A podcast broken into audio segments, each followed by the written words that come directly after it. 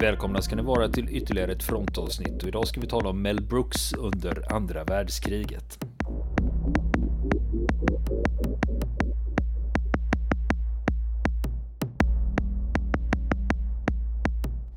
Och nu fortsätter vi prata om Mel Brooks under andra världskriget.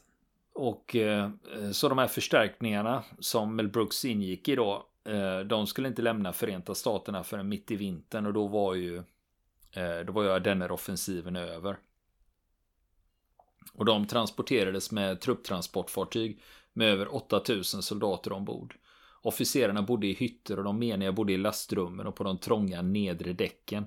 Och eh, det var ett hårt vinterhav när de seglar i konvoj eh, i zigzag över Atlanten och försöker undvika fiendens ubåtar och flyg. Och det tog 10 eller 12 dagar och det avslutas med att de kommer fram och får munkar och kaffe i Liverpool. Och eh, när de väl har kommit till Liverpool då eh, Kaminski och de andra soldaterna då får de kliva ombord på ett tåg som stannar till längs med stationer på den engelska landsbygden. Bland annat Nottingham. Du vet vem som kommer därifrån va? Ja, sheriffen. sheriffen ja. Ja, så även Robin Hood. Ja. Ja. Du vet, Mel Brooks gjorde ju faktiskt en eh, komedi sen. Just Men det. in tights. Men in tights, ja. Just det. Just det. Det var en ganska sen film.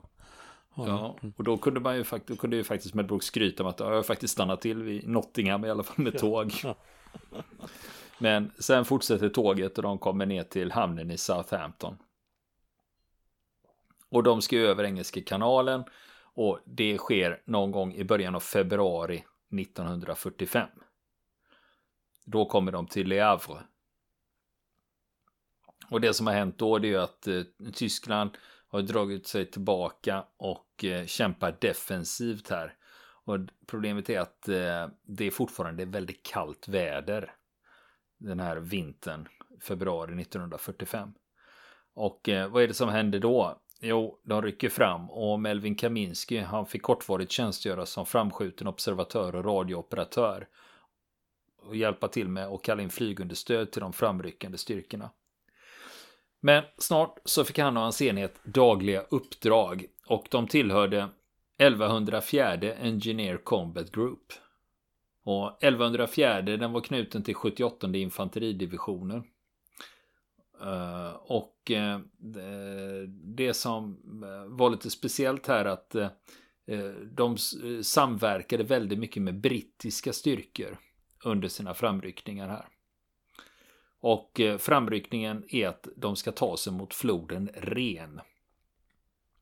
Och ingenjörstrupperna som Kaminski tillhör här, de hade till uppgift att återuppbygga vägar och försörjningsvägar i Ardennerna. Det var ganska mycket som hade pajat där. Inte bara av ständig beskjutning av artilleri. Eh, utan även eh, vädret hade påverkat. Så vägarna var i uselt skick. Och de byggde fordonsbroar och gångbroar över floden Ror. Alltså inte Ruhr, Utan det finns en annan flod som bara heter Rur. Alltså RUR. Just det. Och så också, de bygger även broar över mindre floder. De river ut taggtrådshinder, rensar minfält, tar bort bråte och sprängsten, förstör tyska bunkrar för att underlätta framryckningen. Och i slutet av mars, eh, då är de ganska nära anfallsstyrkorna när de korsar Ren då. 1104 korsar Ren. Och då marscherar de med huvudarmén mot norra Tyskland. Och det gör de från Magdeburg till Goslar som ligger i Hartsbergen. Och eh, det är en slitsam framryckning. Det är mer än 30 mil på 14 dagar som de tar sig fram där. Och eh, eh, det här arbetet de höll på med det beskrivs som farligt. Särskilt i början av den här förflyttningen. Och om man ska summera det här förbandet eh, 1104 Engineer Combat Group Eh, som sattes in 11 juni 44 och höll på fram till 8 maj 1945. Eh, då stupade 329 soldater och ytterligare hundratals sårades. Så det var ingen helt ofarlig verksamhet att hålla på med de här sakerna. Och dessutom så fick de dussintals brons och silverstjärnor till det här förbandet då. Och Melvin Kaminski då? Jo, han var omgiven av död förstörelse och en ständig atmosfär av rädsla. Och de dagliga nyheterna och samtalen bland soldaterna kretsade kring det gemensamma målet att besegra Hitler. Och Brooks sa att hans karaktär stärktes när en bomb slog ner en dag och i närheten och han hukade under ett skrivbord medan spillrorna rasade runt omkring honom. Och han tänkte att okej, okay, om jag klarar av det här så klarar jag av vad som helst. Men de hade ju kommit in i kriget ganska sent. Eh, och 30 april 45, då begår ju Hitler självmord. Och sen 8 eh, maj så är det ju dags för segerdagen. Och eh, vad gör Brooks på segerdagen? Jo, han är dyngrak. Han har druckit sig... Han är i västra Tyskland, i en liten stad. Han har gömt sig i en vinkällare. Och är dyngrak på majvin. Känner du till det? Majvin? Nej, det har Nej. jag inte koll på.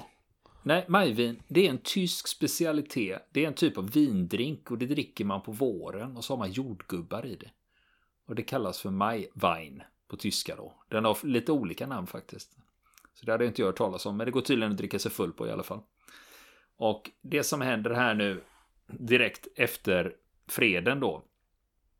Det är att de veteranerna som är med som har lång tjänstgöringstid. De demobiliseras omedelbart. Men de som är ganska nya, som inte har varit där så länge, de får stanna kvar i nästan ett år till. För det är ju ganska mycket som ska göras i Tyskland. De är ju ockupationsmakt här va. Och framförallt för ingenjörstrupper, de har ju väldigt mycket.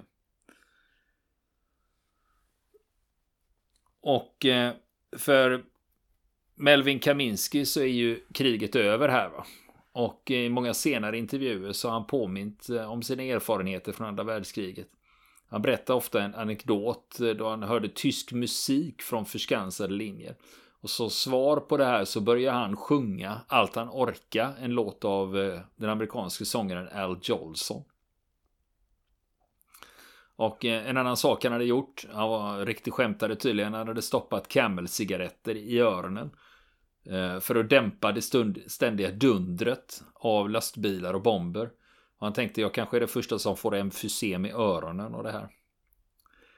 Eh, och eh, han har också berättat att eh, eh, hans enhet hade beskjutits av en massa barn och gamla män som var kvar i byarna. Men att han inte har bevittnat några dödsfall i strid överhuvudtaget.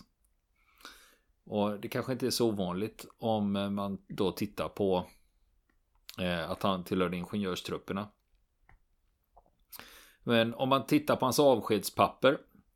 Eh, under, eh, då har de olika avdelningar. Då står det.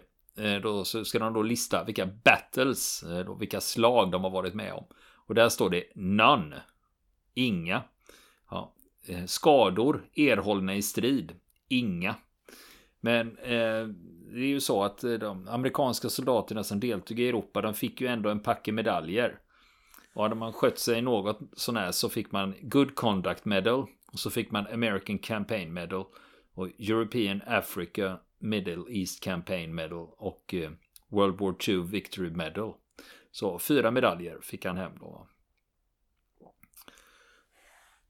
Och nu är det ju så här att eh, han var inte med framme vid fronten liksom i ett stridande förband på det viset. Och eh, om man tror att det var det som, han hade nämligen en idé om en film som han funderade på att göra i början på 70-talet. Men man misstänker att det var hans bristande erfarenheter av riktig strid som gjorde att han la ner det projektet.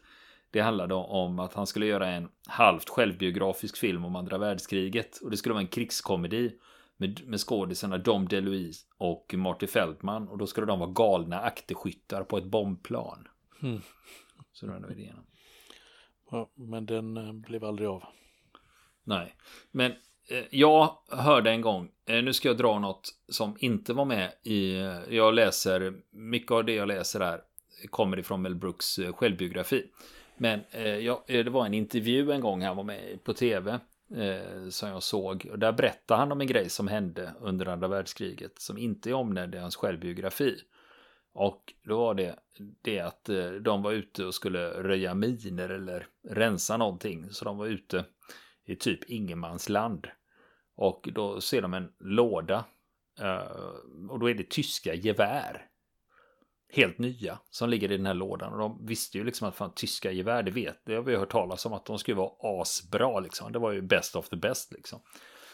Så de tänkte att ja, där måste vi provskjuta för det fanns ammunition också. De tänkte nu har vi chansen att prova. Fan, vi är ingenjörssoldater. Det är inte så ofta vi får chans att skjuta med tyska gevär liksom. Så vi får ju ta, ta, ta chansen nu då. Så de börjar skjuta prick då liksom. Så ser de några telefonstolpar med sådana här porslinsisolatorer. Och eh, så börjar de sikta på dem och skjuter prick på de här porslinsisolatorerna då. Skjuter sönder dem och sen var ja, nu var vi klara här nu. Nu går vi tillbaks till basen då. Och när de kommer tillbaks till basen då ställs alla mannar upp med en gång då. Och en officer kommer in och säger att hej, eh, det är så här att vi misstänker att ett tyskt sabotageförband har gett sig in här.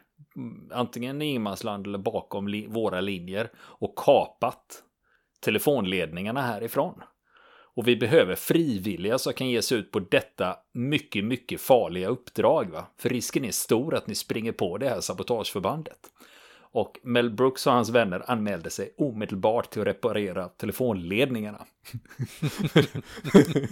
och eh, de fick väldigt mycket beröm för det här mycket modiga eh, uppdraget att gå tillbaka till den här telefonstolpen där de själva hade skjutit sönder porslinsislatorerna, klättra upp och knyta ihop telefonledningarna igen. Ja. Det, det är som att tända eld och sen släcka branden och vill jag ha beröm för det. Ja, typ. precis. Titta vad duktig jag är. Ja, lite så. Ja. Kaminski, han hade ju inte varit så bra i skolan, va? I high school. Men eh, han kände att i armén så gjorde han i alla fall, han, han drog sitt strå till stacken. Han gjorde det han skulle för att de skulle vinna. Och eh, han knöt an till sitt förband och bidrog till att driva fram segern. Och eh, senare i livet så återvände han ofta till norra Frankrike, för hans förband hade varit inkvarterat där ett tag. Och eh, eh, ja, sen hans kopplingar till armén, det var inte så mycket, men 50 år senare, liksom när, eller när han närmar sig 90 år, eh, då skulle han ta på sig sin gamla uniform igen, komplett med medaljerna. Och anledningen till att han tog på sig den här uniformen och de här medaljerna, det var att han medverkade i en dokumentärfilm som hette G.I. Juice. Och då berättade han om vad han hade varit med om. Han kunde repetera sitt tjänstenummer. Det var inpräntat, det kommer man ihåg eh, automatiskt. Och eh, han berättar också att eh, det här med just det där med Hitler och nazisterna. Det var ju hans livslånga fiender. Och han berättar att han kanaliserar den där bollen av hat mot nazister och Hitler till sin komedi. Och han säger också att armén härde honom fysiskt, gjorde honom tuff och la till ett lager av yttre skal till hans personlighet. Men han erkänner också att han hade lidit en hel del medveten och omedveten frustration och hat under sin tid i uniform. Och, eh, men han säger också att på ett sätt så bidrog kriget också till min fortsatta utveckling inom showbusiness. Eh, och det var ju att han var ju redan, han var ju känd som en riktig skojare. Eh, alltså inte någon bedragare utan han var en rolig person, liksom vad de kallar för en kasernkaraktär. Som underhöll sina vänner och höll dem på gott humör, att han hade humor och uppträdde mycket. Och det här innebar också att Eh, strax efter det att kriget hade tagit slut i Europa, då förflyttas han till arméns avdelning Special Services. För de producerar underhållning av alla möjliga slag. Och det var ju för soldaterna på de amerikanska baserna i det ockuperade Tyskland. Så då började han jobba med shower. Och han hamnade i 1262 Service Command-enheten.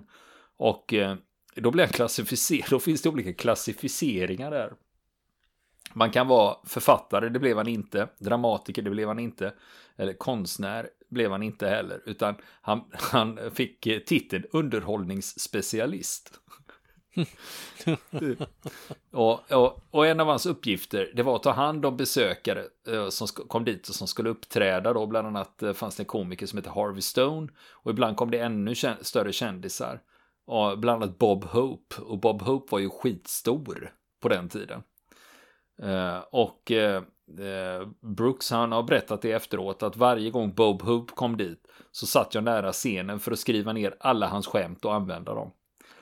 Och eh, en gång när Bob Hope skulle gå av scenen då tog Då tog eh, Mel Brooks tag i byxorna på honom och stannade honom och bad om en autograf. Och den storyn var ganska okänd fram tills de möttes i Johnny Carson show många år senare. Eh, både Mel Brooks och Bob Hope var där och då berättar, John, då berättar Mel Brooks om den historien. Så jag tog tag i dina byxor och stannade och bad om en autograf då. ja. ja. Om man ska titta i eh, papperna då eh, efter eh, Mel Brooks tjänstgöring så, så står det att han eh, Eh, planerade den turnerande underhållning som tillhandahölls av USO. Det är ju den United Service Organizations, det är deras fältartister. Och han ansvarade också för amatörproduktioner som iscensattes av soldater. Och han regisserade föreställningar för militärpersonal, skrev dialog, fungerade som konferencier och komiker under presentationerna och showerna. Och han ordnade schema för dansorkestrar för musikaliska revyer och konserter. Och många av de här föreställningarna de höll på med, det var revyer av vaudeville-typ. Och det var soldater som fick spela i sketcherna. Och det var mycket sång och dans. Och eh, till slut så befordras då Melvin Kaminski från menig till underofficer i alla fall och fick ansvar för shower. Han tjänstgjorde under en sergeant och en löjtnant och de producerade stora evenemang för officersklubbar och hela divisioner. Men sen var det en annan grej också att Mel Brooks fick också en Mercedes-Benz som transportmedel för att kunna mm. köra runt i. Men han hade, eh, han hade fått tag på vad han kallar för en chaffris. En kvinnlig tysk fiolspelare vid namn Helga. Förstås, klart hon heter Helga. ja, såklart ja. Och, eh, och sen han, han har också lyckats få tag på ett särskilt passerkort för att ta sig in till Frankfurt. Och det gjorde också att han fick tag på vissa sällsynta märken av konjak. Och eh, den här konjakshistorien minns han Eh, faktiskt. Han säger så här, det finns inte en 19-årig soldat som har blivit mer berusad än vad jag var. Och den konjaken. ja. Men sen har vi det där med scenen. Att eh, eh det är allt oftare han själv tar, går upp på scenen för att presentera nummer och underhålla. Och det här är första gången han också tar på sig en tysk uniform med en tandborstmustasch. För att offentligt imitera Hitler och skrika obegripligt på tyska. Då. Ja, det har han ju gjort senare också. Ja, ja, det var inte första gången, men jo, det var första gången han gjorde det. Då, men, in, men inte i sista. Tysk, I Tyskland liksom. Ja. Det, är inte då, det är inte dåligt. Men eh, det som hände sen det är att eh, Melvin Kaminski, som han fortfarande heter då, han återvände till USA i april 46. Och då har han blivit befordrad till chef för underhållningsgruppen för Special Services. Eh, och eh, det är vid, och det, det, då tjänstgör han vid arméns eh, Eh, eh, det de kallar för ett separationscenter och det är Fort Dix i New Jersey. Och han sätter upp shower där och är en välbekant konferencier. Och han berättar skämt mellan akterna och parodierar populära låtar. Under det här, de här showerna på Fort Dix. Eh, han säger själv i efterhand att de var väldigt viktiga för honom när det gällde hur man uppträdde på en scen. För han säger att jag hade en bred publik från hela landet.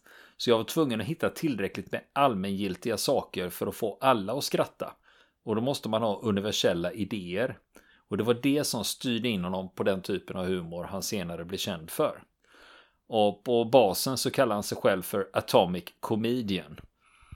Mm -hmm. Och eh, eh, han förekommer bland annat i, de gav ut en tidning där på Fort Dix som heter Fort Dix Post. Och där förekom han på en serie bilder i tidningen. Den ena galnare än den andra.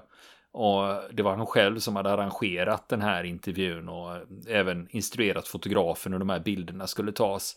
Så att han framställdes på ett väldigt, väldigt roligt sätt i hela artikeln med massa bilder. Och det gjorde också att han senare använde den här artikeln i framtiden sen när han skulle sälja in sig själv i någon showbiz. Då kunde han lämna över den här artikeln med bilderna då. Mm, smart. Ja, så han är tydligen, han var tydligen då, eh, väl, redan då väldigt bra på att sälja in sina grejer då. Mm. Och eh, i slutet av kriget, eh, då hade han också valt sitt artistnamn Melvin Brooks, fast med Y. Melvin Brooks. Eh, och det här y det kom och gick under åren då innan det blev Mel Brooks. Och den här energiska sidan han hade på scen, han kallade ju sig för Atomic Comedian. Och det skulle då avspegla spänningen i hans personlighet. Men det fanns också ett problem att ibland var hans humor alltför explosiv och grov.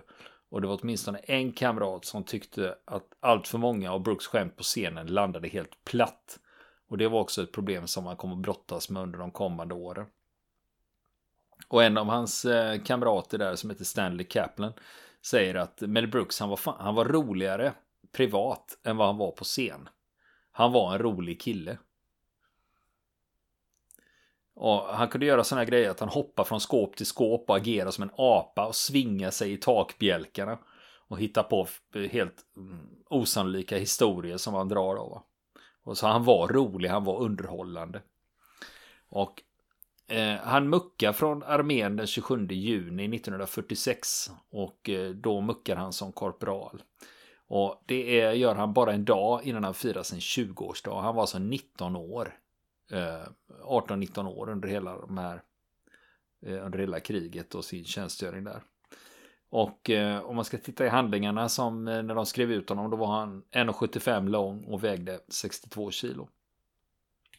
Och då var det så här att eh, eh, när kriget var slut då hade hans mamma fixat ett kontorsjobb åt honom. På Brooklyn Navy Yard. Alltså det är flottans varv i Brooklyn. Eh, men han är inte så intresserad av det utan han hoppar in i en taxi och säger kör till Catskills. För han hade ju faktiskt påbörjat en karriär där innan kriget som musiker och komiker. Och han kommer tillbaks till Catskills, han försörjer sig som trummis och pianist. Och vid ett tillfälle så blev en stand-up-komiker sjuk och Brooks hoppade in istället och han drog skämt och körde imitationer. Och han var även med i teaterföreställningar och gjorde radiogrejer. Och hans slit ger resultat. Han blir konferencier på en av de mer kända hotellen i Catskills. Och eh, men sen eh, tar det här en annan vändning. För en av hans stora idoler det är komikern Sid Caesar. Det jag vet jag inte vem det är och har aldrig talas om heller. Men hur som helst, han var äldre än Brooks. Eh, men kom också från Brooklyn. Så Caesar betalar Brooks lite grann för att skriva skämt åt honom. Och det leder till nästa gig. För då blir Brooks anställd av Caesar för att skriva skämt för ett underhållningsprogram på tv. Så han börjar som, eh, han börjar som manusförfattare helt enkelt med att skriva skämt, skriva humor. Och sen rullar ju det här på och det är just skrivandet som då leder honom fram till ett samarbete med en annan komiker som heter Rainer. Och de tillsammans sätter upp grejer och eh, blir kända. Och redan 1961 så spelar de in en skiva som säljer i flera miljoner exemplar i USA. En humorskiva. Och sen rullar det på med skrivandet och sen blir det ju också film då. Och det är ju som filmskapare han är känd för oss idag. Privat så han gifte sig eh, på 60-talet med Anne Bancroft, skådespelerskan. Hon är också med i filmen To Be or Not To Be om man nu inte vet vem hon är. Hon avled, hon, hon avled ju typ 2010. Och de har en son som heter Max Brooks. Och han har också eh, fortsatt med skrivandet men han skriver böcker. Hans mest kända bok har blivit film och det är World War Z. Ja, har du sett den? Just det, jajamän, den har jag sett. Ja, en zombie. Det är Mel Brooks ja. son som har skrivit den. Det hade inte jag fattat. ja. Världen är liten. Ja. ja. Men eh, mm. Men som sagt, det är ett eh, rejält arv som Mel Brooks har lämnat efter sig i form av filmer och humor. Och det är många som har skrattat åt hans eh, produktioner. Mm. Men han lever ju fortfarande. Han fyller i år 2023 så fyller han 97 år. Ja, just det. Och, och, som du säger, en av, en av filmerna som just hänför sig till andra världskriget, det var den du nämnde där, To be or not to be. Då, då ett, ett judiskt teatersällskap i det ockuperade Polen. Alltså, när den kom i början av 80-talet så var ju det en nyinspelning av en gammal film från andra världskriget. Eh, som faktiskt filmades i Hollywood av en tysk regissör som hade flytt, flytt eh, hit till Tyskland då, Ernst Lubitsch, som var en väldigt känd då i, under mellankrigstiden i, i Tyskland. Eh, och som fortsatte sin karriär sen då i USA. Eh, så det var den då som, blev, som Mel Brooks gjorde i en ny version. Och sen har vi förstås den som alla förknippar med honom, The Producers. Mm. Det våras för det Hitler. Våras för Hitler ja. Och de här killarna som ska sätta upp världens värsta musikal. Ja, det är ju det är, det är precis. Eh, eh det är ju eh, producenten där Max Bialystock som har huvudrollen där. Och eh, det roliga är här att Bialystok, det namnet, det är alltså en polsk ort. det var nämligen, Mel Brooks ville ha ett, ha ett, ha ett namn som var ganska judiskt och så. Ja. Till en polsk stad. Liksom. Så ja. det blev en polsk stad som ja. finns som heter Bialystok. Ja, precis som du säger. Det är ju det att de här producenterna har kommit på att eh, de tjänar mer om en, en föreställning floppar än om den gör succé. För då kräver de som investerat pengar, då vill de ha tillbaka pengarna. Men om det floppar och läggs ner, då kan de behålla merparten av pengarna. Så målsättningen är att skriva världens sämsta pjäs. Med världens sämsta skådespelare som garanterat skall floppa. Men, men såklart, eh, ja, det, det blir backfire där ja, för eh, publiken missförstår den och tror att det är en komedi. Mm. Så att de skrattar ju röven av sig och det blir en jättesuccé istället. Mm. Och lite grann så var det ju faktiskt med filmen också, att det var, det var inte, den blev inte så väl mottagen i början. Eh, det var många som var väldigt skeptiska mot den och tyckte den var väldigt smaklös och så, men eh, men eh, den eh, blev ju, det, det, där vände ju sen ganska snabbt och den har ju blivit en kultfilm. Mm. Har det, och den har ju även gått som musikal på Broadway. Just det, The Producers heter det ju där också. Just det. Och den dök ju faktiskt eh, även upp i tv-serien Simma lugnt Larry. Eller Curb Your Enthusiasm. Eh, där eh, Larry David erbjuds rollen att spela Max Bialystock. Så där skildras ju den också. Ja, men vi får väl hoppas att Mel Brooks överlever några år till i alla fall, även om han är 97 år i år. Ja, precis. Nu var det ju ett tag sedan man hörde någonting ifrån honom, men det var ju några år sedan. Men, eh, men som sagt, det, det, det är ju en verkligen eh, stor nöjesfigur. Man får inte säga nöjesprofil i det här landet. Nöjesfigur som, som, eh, som, som lämnat stora, stora avtryck på humor och, och så vidare. Och så, som överraskande många i den generationen så, så, så deltog de på olika sätt då i, i kriget. Och eh, även, även Mel Brooks som sagt eh, var ju, var ju en del av, av andra världskriget på det sättet.